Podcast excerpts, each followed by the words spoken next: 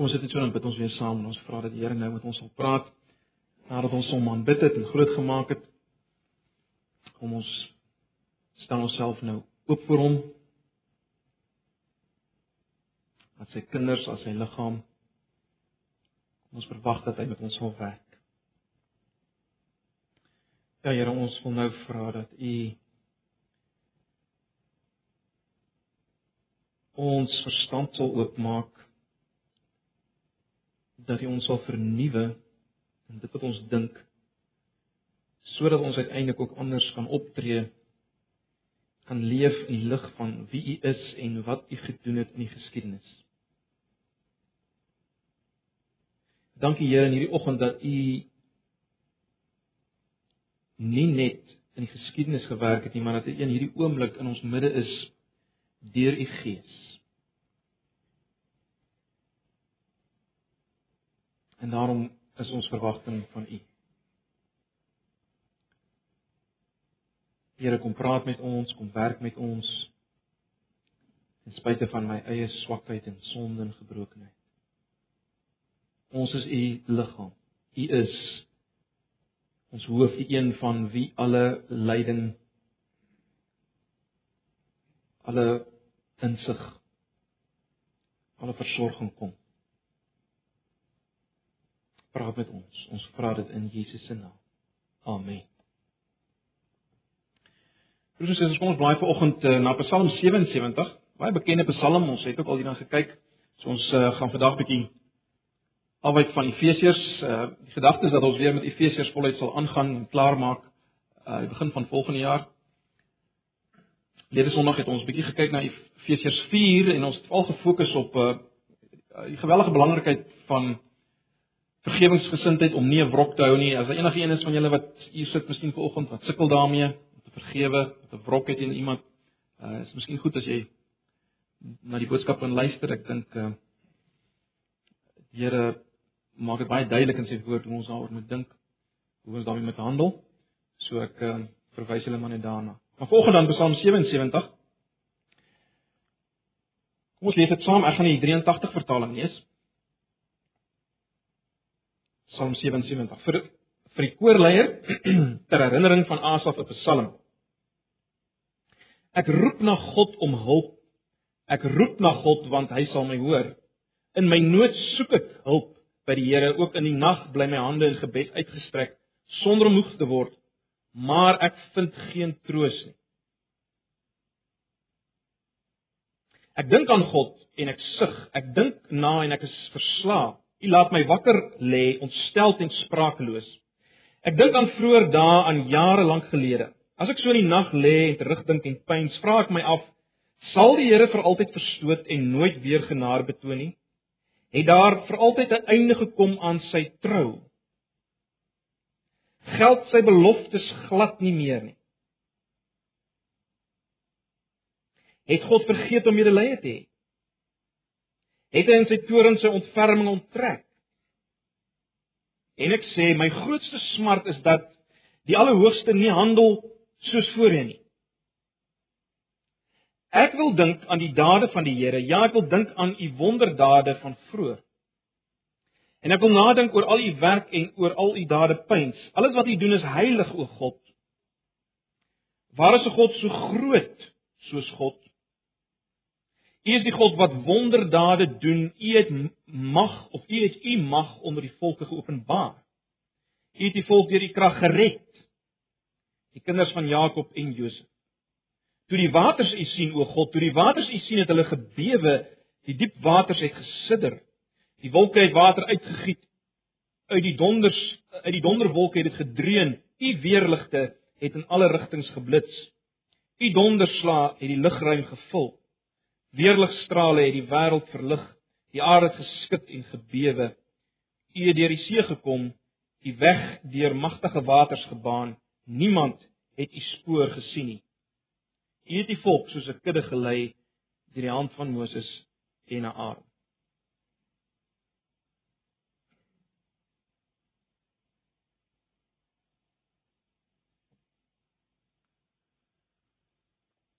Broers en susters, ek wil hê ons moet vanoggend kyk na hierdie Psalm. En ek vertrou dat ons sal sien dat hierdie Psalm uiters relevant is vir ons en geweldig bemoedigend vir ons as kinders van die Here wat vanoggend uh, in 'n sekere sin terugdink aan 16 Desember maar ook op pad is na 25 Desember terwyl ons besig is in ons geestelike lewe met 'n stryd en 'n worsteling elke dag. Aan die begin van hierdie Psalm, sou julle gesien het, Psalm 77, vind ons 'n man wat wat uitroep tot die Here, maar daar's nie antwoord. Het jy dit gesien? Hy kry geen antwoord nie. Was jy al in daai situasie? Dalk is jy ver oggend in daai situasie. Jy roep tot die Here, maar daar's niks. In die verlede het jy na hom gegaan en uh, na hom geroep en hy het geantwoord, watter manier ook al. Maar nou is daar niks. Dis asof die hemel stil is, né? Nee. Daar's geen reaksie nie. Jy het nie baie hoop vir jou eie situasie nie, want was God in dit alles? Voel alleen, jy sien nie kans vir dit wat voor lê nie. Want God is nie daar nie. Ag broers en susters, ehm uh, indien dit jou belewing is vanoggend, dan is hierdie Psalm beslis vir jou. En omdat dit alle Christene se belewing by tye is, daarom is hierdie Psalm werklik vir ons vanoggend, vir elkeen van ons. Vir elkeen van ons. So ek wil hê ons moet hierop fokus en hierna kyk. Ek wil hê ons moet kyk na die uitroep wat ons hier kry. Ek wil kyk na die vraag of die vraag wat die psalmdigter hier vra. Ek wil ons 'n bietjie kyk na wat is sy voorneme in derde plek? Dan wil ek hê ons moet iets sien van God se werkwyse, se werkswyse. Hoe werk God? En dit is belangrik. En dan wil ek net hê ons moet dit alles bietjie saamvat en van toepassing maak op ons eie situasie waar ons nou is.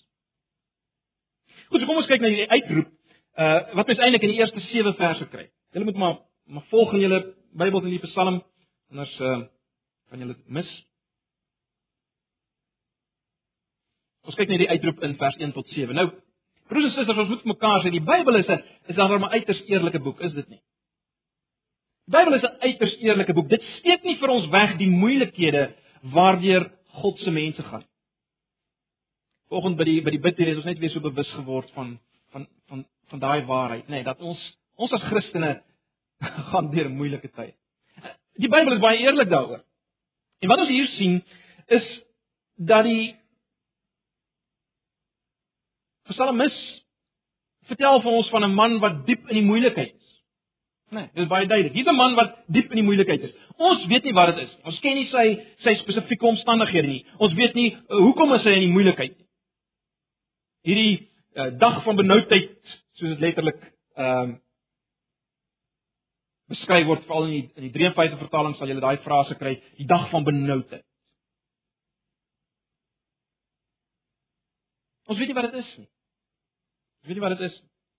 Maar baie duidelik, hierdie man soek die Here te midde van hierdie beproewing, van watter aard dit ook, ook al is. Hy soek die Here. Maar hy hy kry geen antwoord nie, soos ons reeds mekaar gesê het. En dan sien ons, hy weier om getroos te word. Hy kry geen troos nie. Hy vind geen troos nie soos die 83 vertaling dit sê sy siel weier om getroos te word. Soos die 53 vertaling dit uitdruk. Hoe waar dit sê die hele gedagte aan God maak hom treurig, maak hom hartseer. En die rede daarvoor kry ons natuurlik in vers 5 tot 6. Hoekom is dit so? Hoekom is hy hartseer as hy terugdink of as hy dink aan God? Wel, die sleutel daar is die vorige tye, net die vorige dae. Hy dink aan vroeër dae, vers 6. Hy dink aan vroeër dae. Jy sien Hy dink aan hierdie vroeë dae en sy wat hy noem liedere in die nag. Dit wil voorkom as mens kyk na hierdie verse 5 en 6 spesifiek. Wil dit voorkom dat hierdie hierdie man het in die verlede in 'n moeilike tyd na God geroep en God het as te ware die las van sy hart afgeneem. God het hom 'n lied gegee in sy hart, hom opgelig hom vreugde gegee te midde van hierdie beproewing wat dit ook al was. Te midde daarvan het God hom vreugde gegee. Maar nou, as hy terugdink daaraan, dan maak dit hom eintlik net hartseer want dit gebeur nou nie. Dit gebeur nie nou nie. Nou is dan net eintlik pyn eerder as troos want God lig nie sy las nie. En dit bring die die skrywer, die psalmis eintlik by by sy tweede probleem. Sy eerste probleem is net hierdie hierdie ding wat gebeur het, hierdie situasie, die dag van benoudheid soos die 53 vertaling dit stel. Dis sy eerste probleem, maar sy tweede probleem uh is eintlik 'n groter probleem. En dit is het omdat ek dit so stel. Sy tweede probleem is hy begin God se trou en sorg en liefde bevraagteken. Dis sy dis sy groter probleem. Jy sien, waarskynlik is is die situasie waarin hy nou is, hierdie dag van benoudheid, soos die 53 dit stel, uh, dis nie noodwendig erger as wat hy voorheen beleef het nie. Maar die verskil is daar's nou geen bewustheid van God se teenwoordigheid nie, geen rustigheid van gees nie. En dis hoekom dit 'n groter probleem is. Dis hoekom dit erger is. So hy begin God se liefde en sy sorg, hy begin dit bevraagteken. En dit bring ons dan by by die vraag wat hy vra in vers 7 tot 11.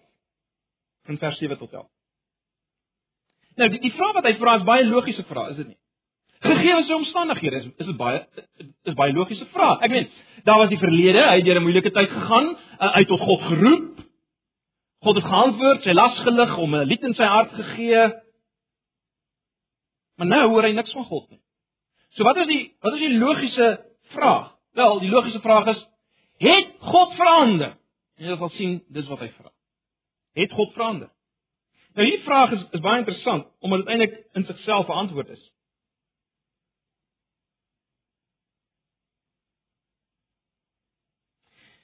Ja, ons sien in vers 9 vra hy: Het daar vir altyd 'n einde gekom aan sy trou? sê die 83 vertaling, die 53 vertaling praat van sy goedertierenheid. Het sy goedertierenheid tot 'n einde gekom? Nou, dis 'n baie interessante frase hierdie. Uh want in die Hebreëus druk hierdie frase die hele verbondsverhouding tussen God en sy volk uit. Dis wat agter hierdie frase lê. Dis eintlik in die Hebreëus een woord en dit dui op God se verbondsgetrouheid aan sy volk. In ander woorde, die hele gedagte agter die woord is dat God in die geskiedenis het 'n belofte gemaak aan hierdie mense. Israel. Het 'n belofte aan hulle gemaak. God het beloof hy sal vir hulle wees. Uh, hy sal as te ware die hele geskiedenis so uitwerk dat sy beloftes wat hy gemaak het vervul sou word. Uh, hy sal getrou wees dag na dag, jaar na jaar, eeu na eeu. Dit lê alles agter daai woord trou. 83 vertaling of goedertierenheid 53 vertaling. Dis wat agter daai woord lê. So wat die psalmis hier vra is het God se verbondsliefde het dit tot 'n einde gekom? Sy eetgesweerde belofte het dit tot 'n einde gekom? Is dit nie meer geldig nie? Het die stroom van God se genade as jy wil uiteindelik nou geëindig? Dis wat hy vra. Het dit nou geëindig? Is dit verby? Nou, wat ons moet verstaan is dat in die psalmis se huidige omstandighede is daar geen bewys van God se liefde nie. Met ander woorde, as hy kyk na wat met hom gebeur, waar is God se liefde? Daar's geen bewys daarvoor. Geen, geen, geen. Dis waar homself bevind. En nou word hy gekonfronteer met 'n keuse, né? In die verlede het hy God geglo toe God hom geantwoord het. Nou moet hy homself afvra, glo ek God ook wanneer ek nie 'n antwoord kry nie? Dis die vraag waarmee hy nou sit, né? In die verlede het ek God geglo as gevolg van sy, kom ons noem dit seëning, gaan ek God nou glo en hom vashou en hom bly lief hê al is daar geen seëning nie? Dis sy vraag. Nou in hierdie vraag Kom ek stel dit so in die vraag van die vraag het God se verbondstrou, sy goedertierenheid, hoe jy dit ook al vertaal, het dit geëindig. In daai vraag is daar eintlik net twee moontlike paaie om te bewandel, né? Nee, Daar's eintlik net twee kante toe waarna jy kan gaan. Eerstens, hierdie man moes of alles wat hy in die verlede geglo het omtrent God verwerp. Met ander woorde, hy moes tot die slotsom kom God het nooit onfeilbare liefde gehad nie. Dit was alles sy verbeelding. Dis die een pad wat hy kan opgaan. Hy het hom net verbeel. Dit was nooit so nie. Of hy moet aanvaar ja, God is God en hy het nie verander nie. Het een van die twee paaie is moontlik. En dit bring ons nou by sy voorneme. In vers 12 tot 13. Wat is sy voorneme?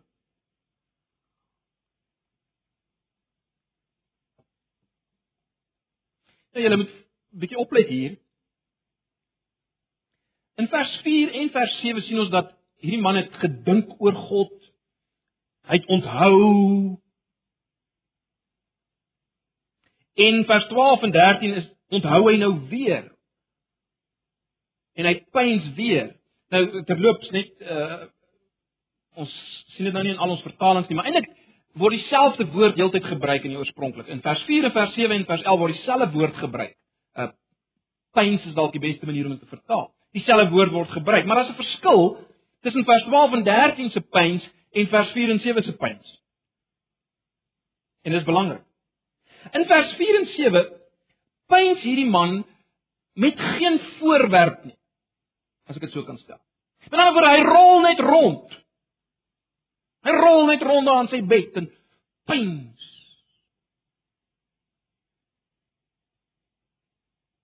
Rol rond in sy pyn en sy ellende en sy omstandighede. Hy rol daar rond. Maar nou is daar 'n verskil in vers 13. Hy pyns, maar hy pyns oor iets, oor wat? Wel oor God se dade. Oor God se dade, die magtige dade van God. Sien hulle vers 12, ek wil dink aan die dade van die Here. Ja, ek wil dink aan u wonderdade van vroeër vers 13. Ek wil nadink oor al u werke en oor al u dade pyns. Baie duidelik, né? Nee. Daar's 'n verskil. Sien nou nie net rondrol nie, hy wil dink oor die dade van God. Jy sal sien in vers 12 en 13 begin die verse elke keer met ek wil. Baie interessant. Ek wil. En dan hoor ek hierdie man beweeg van 'n posisie waar sy emosies hom totaal beheer het, van 'n posisie waar hy as te ware onder sy omstandighede was, beweeg hy na 'n posisie waar hy nou toelaat dat sy wil en sy intellek betrokke raak. Tot nou toe was hy onder sy omstandighede, sy emosies het as te ware hom beheer in sy pynsing, maar nou raak sy wil en sy intellek betrokke, né? So hy hy hy forceer homself.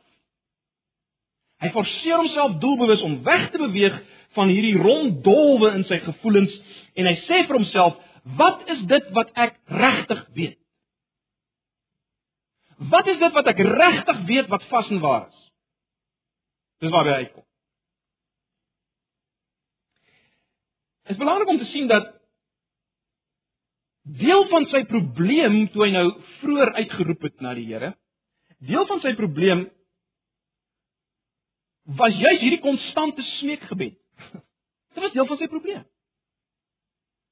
Hoekom? Want hy het nie begin as hy gebid het, het hy nie begin om homself te herinner aan God se magtige dade nie. Hy het hom nie self herinner aan wie God is nie. Hy het net heeltyd smeekgebed, smeekgebed, maar Hy het hom nooit self herinner aan wie God is nie. En dit is baie belangrik broers en susters as as ons bid. As ons na God toe kom binne ons binne ons omstandighede om te begin om onsself te herinner aan die getrouheid van God. Dit wat vas staan omtrent God in die geskiedenis, is baie belangrik. Die mag van God, die dade van God in werklike geskiedenis. In werklike geskiedenis. C.S. Lewis het op 'n stadium die punt die punt gemaak in een van sy boeke hy het gesê waarheid is nie afhanklik van dit wat jy vir aandete gehad het. Wat bedoel hy daarmee? Hy bedoel my daarmee, dit wat jy vir aandete gehad het, kan 'n effek hê op jou gevoel en emosies en op wat jy op 'n sekere punt met ander woorde glo. Maar waarheid is nie daarvan afhanklik. Waarheid is nie daarvan afhanklik. Dit hang nie af van wat ons vir aandete gehad het nie. Uh dit hang nie af van ons gevoelens en emosies. Dit hang nie daarvan af nie. Ons dink so. En die duiwel wil ons laat glo dit so is, maar dit is nie so. So daarom wat die uh, Psalmis hier doen is om homself te herinner aan die groot waarhede wat gewys het in die geskiedenis wie God is. In die geskiedenis tussen God en sy mense. Herinner homself daaraan. Dis nou amper sê hy neem homself voor in vers 12 en 13 om te verander deur te reflekteer op die geskiedenis. Alraai? Hy neem homself voor om te verander deur na te dink, reflekteer op die geskiedenis van die magtige dade van God. En dit bring ons nou by wat ek wil noem God se werkswyse. God se werkswyse.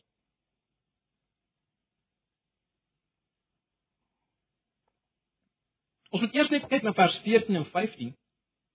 Want hier lig die Psalmis vier karaktereienskappe van God eintlik uit, né? Ja, ons sien hy praat van in vers 14 van van die heiligheid van God. Alles wat hy doen is heilig. Nou heilig beteken anders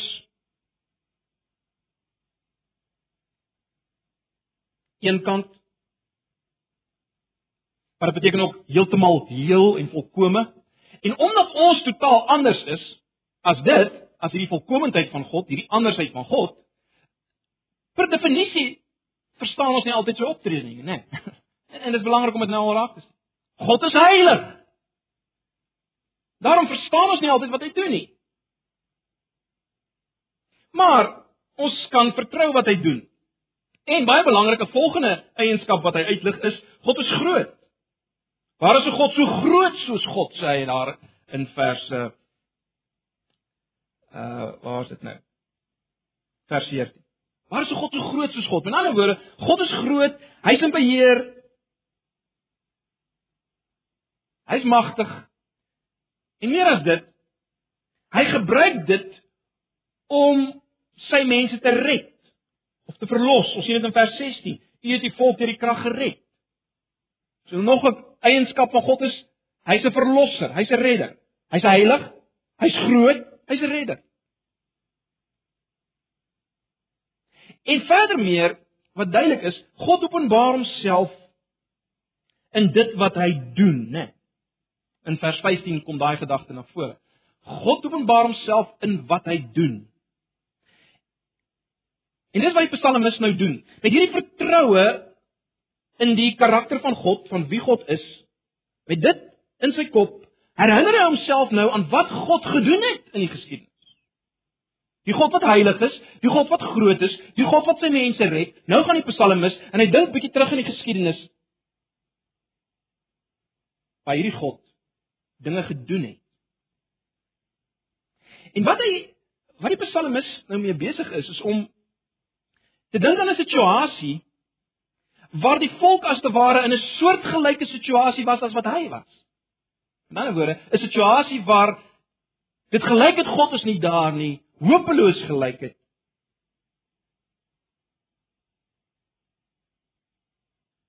Doodloopstraat herinner homself daaraan.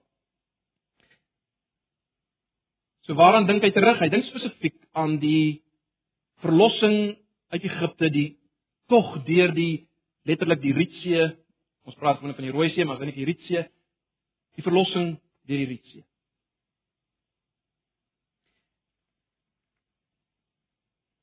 Onthou die psalmis sien geen hoop vir homself nie.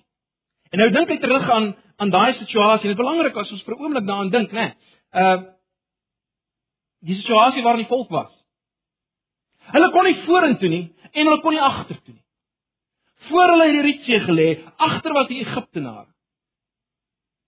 En onthou nou, net soos die psalmis, het hierdie mense ook God se dade in die geskiedenis beleef, maar nou het dit nie so gelyk nie. Waar was God nou?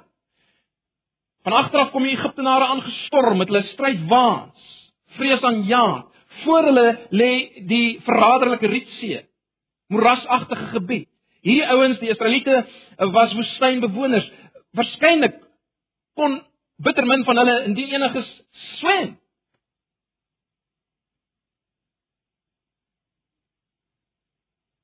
Skaakmat posisie. Daar was nie tyd om 'n plan te praktiseer nie.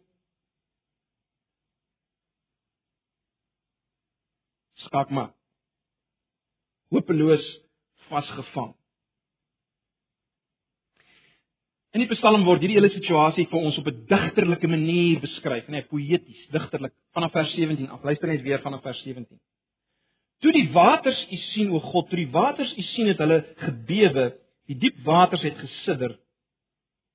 Die wolke het water uitgegiet, uit die donderwolke het dit gedreun, u weerligte het, in alle rigtings geblits, u donderslae het die lugruim gevul, weerligstrale het die wêreld verlig, die aarde het geskud en gebewe. U het deur die see gekom die weg deur magtige waters gebaan. Niemand het u spoor gesien.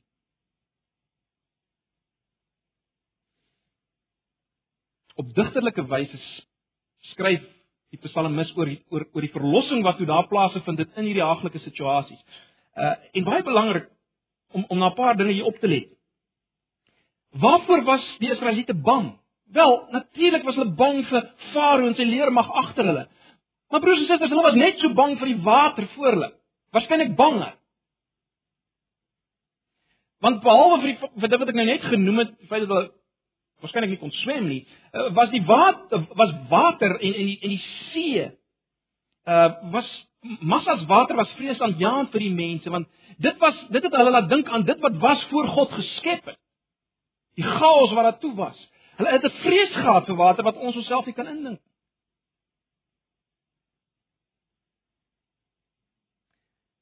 En kyk nou wat sê die skrywer in vers 16. Toe die waters u sien o God, het hulle gebewe. So hy verpersoonlik hierdie water. Hy gebruik 'n wat ons noem 'n antropomorfisme, né? Nee. Hy maak van die water iets persoonlik en hy sê hierdie water was bang. So wat is die punt?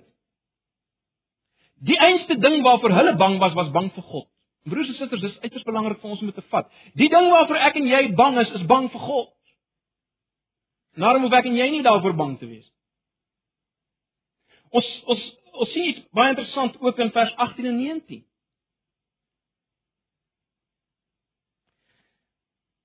Daar word van gepraat van die weerlig en die donders ensovoorts, maar maar let op.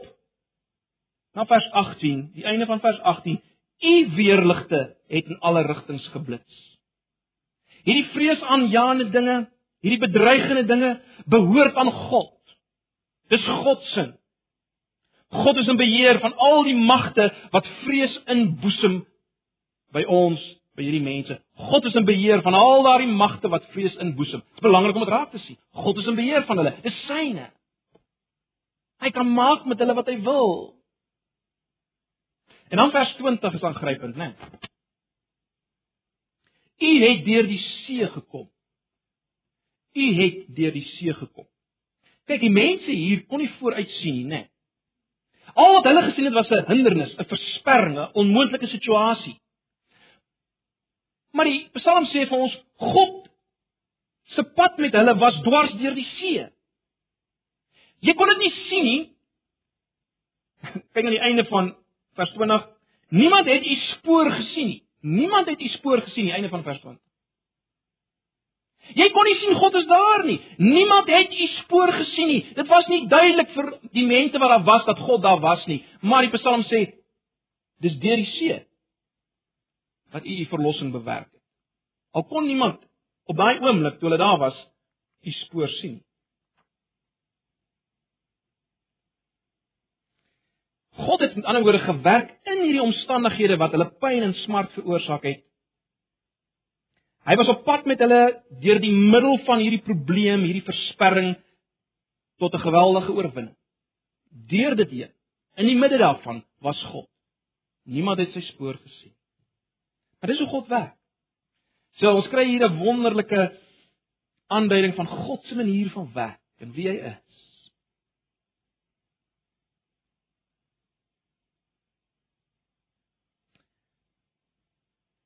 Kom ons staan nou terug en dink vir 'n paar oomblikke oor onsself.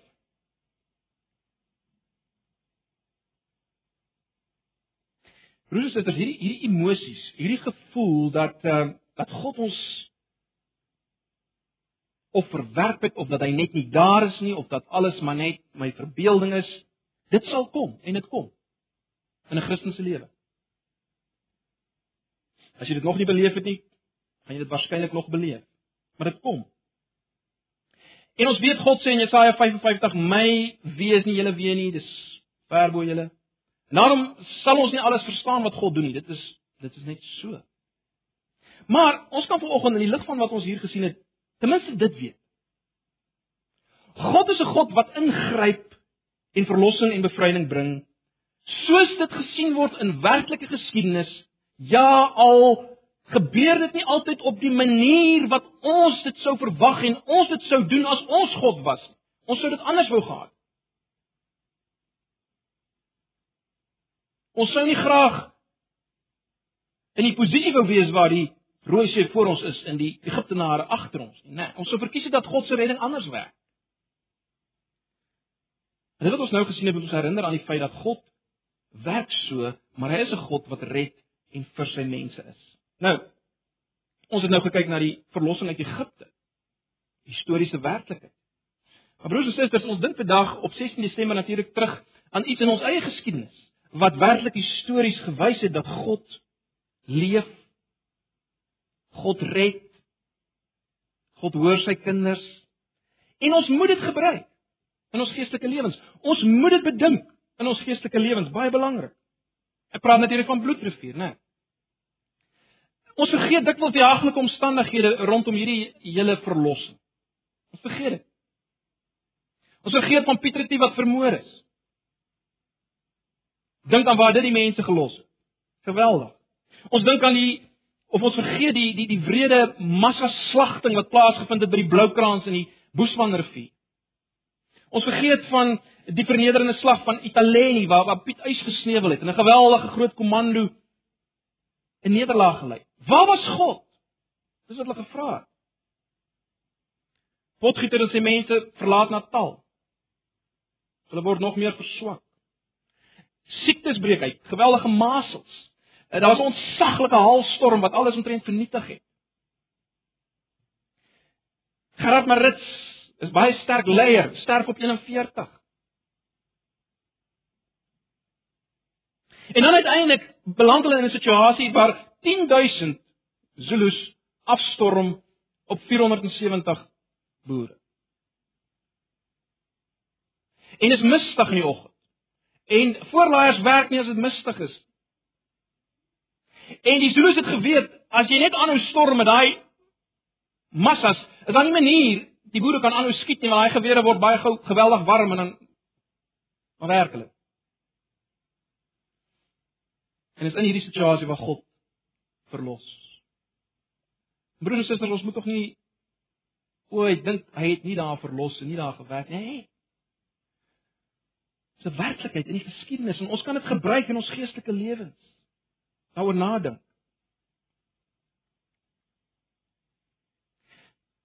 Maar ek het ek het vanoggend begin om te sê ons is op 'n pad na na Kerstyd toe. En broers en susters, die kom van God na die aarde was natuurlik net so vreemd. Vir 400 jaar was daar niks. Waar was God? En dan ewe skielik dan kom hy maar hy kom as 'n baba hulpeloos in 'n krib. Hoe lank as ons dit sou doen?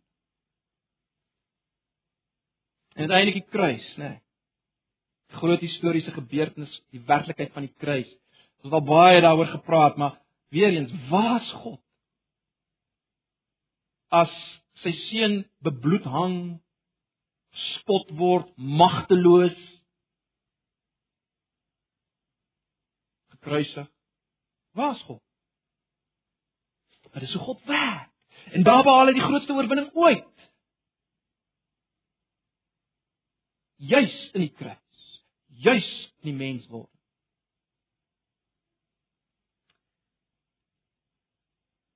So, wat sê dit alles vir my en jou vanoggend? Ag broers en susters. Eerstens al kry ek en jy nie onmiddellike antwoorde in ons situasie wat oorweldigend vir ons lyk en let wel, ons maak dit nie minder as dit is nie. Ons baie van ons gaan deur oorweldigende situasies. Maar al kry ons nie dadelik antwoord nie, in die lig van die geskiedenis weet dit God is vir my. Hy het dit gewys in die geskiedenis. Geskiedenis, hy's vir sy mense. Hy breek nie sy verbond nie. Hy breek nie sy beloftes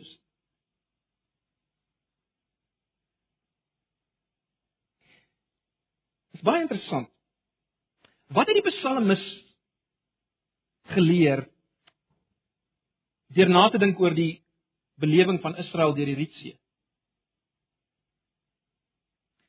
Wel hy leer daardeur dat God by hom was die hele nag terwyl hy uitgeroep het na die Here.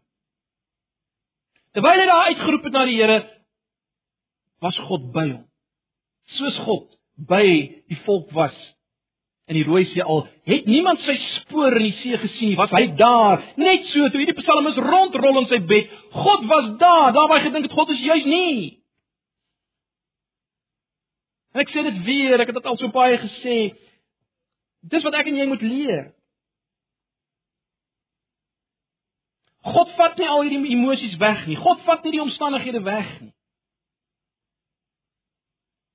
Maar wat ons moet leer as ons terugdink aan die Rietsee en aan aan aan bloedrivier en aan Kersfees en aan die kruis, wat ons moet weet is juis wat dit lyk of God nie is nie, daar is hy.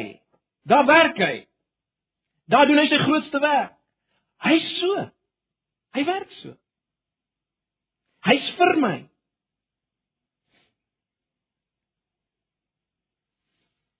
Hy het in die groot werklike historiese gebeurtenisse so gewerk. Hy werk ook so in my lewe.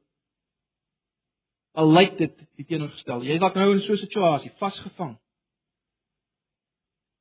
God is aan die werk. Kyk na die geskiedenis. Herinner jouself daaraan. Uh ja. Jou emosies sal kom. Tye van nood sal kom, maar kyk uit. Hou vas, bedink die werklike historiese magtige dade van God. Dis hoe ons God is, dis hoe hy werk en dis hoe hy in ons eie lewens werk. Broers en susters, ons moet dit vat. Kom ons kyk, kom ons kyk 'n bietjie uit ons eie omstandighede. Ons kyk uit na God en wat hy gedoen het in die geskiedenis. Vandag is 'n goeie dag om dit te doen. Ons mag ons eie geskiedenis ook so gebruik. Ek weet daar mag verskeie opinies en idees vanoggend wees daaroor. Daarom wil ek nie te veel daarvan maak nie, maar God is 'n werklikheid, dis ten minste wat ons moet weet. Hy werk in die geskiedenis. Hy het gewerk. Dis vaste punte en ek en jy moet dit gebruik in ons stryd. En dis wat die psalmis vir ons wil leer. God werk. God verlos, maar God werk anders want hy is anders. Ek sluit af met die baie bekende ehm um, gedig wat William Cowper of Cooper ek weet nooit hoe mense dit regtig moet uitspreek en geskryf het. Toe hy nagedink het oor hierdie Psalm, 'n man wat ook deur ontsaglike tye gegaan het, tye van ontsettende depressie, waar hy beleef het God is nie daar nie. En hy skryf in die lig van hierdie Psalm, skryf hy hierdie volgende gedig en julle julle ken dit. Kom ons luister net daarna. God moves in a mysterious way. He's wonders to perform. He plants his footsteps in the sea. Jy kan sien net gedink hieroor. He plants his footsteps in the sea and rides upon the storm. Deep in unfathomable minds of never failing skill, he treasures up his bright designs and works his sovereign will. Ye fearful saints, fresh courage take. The clouds ye so much dread are big with mercy and shall break in blessings on your head.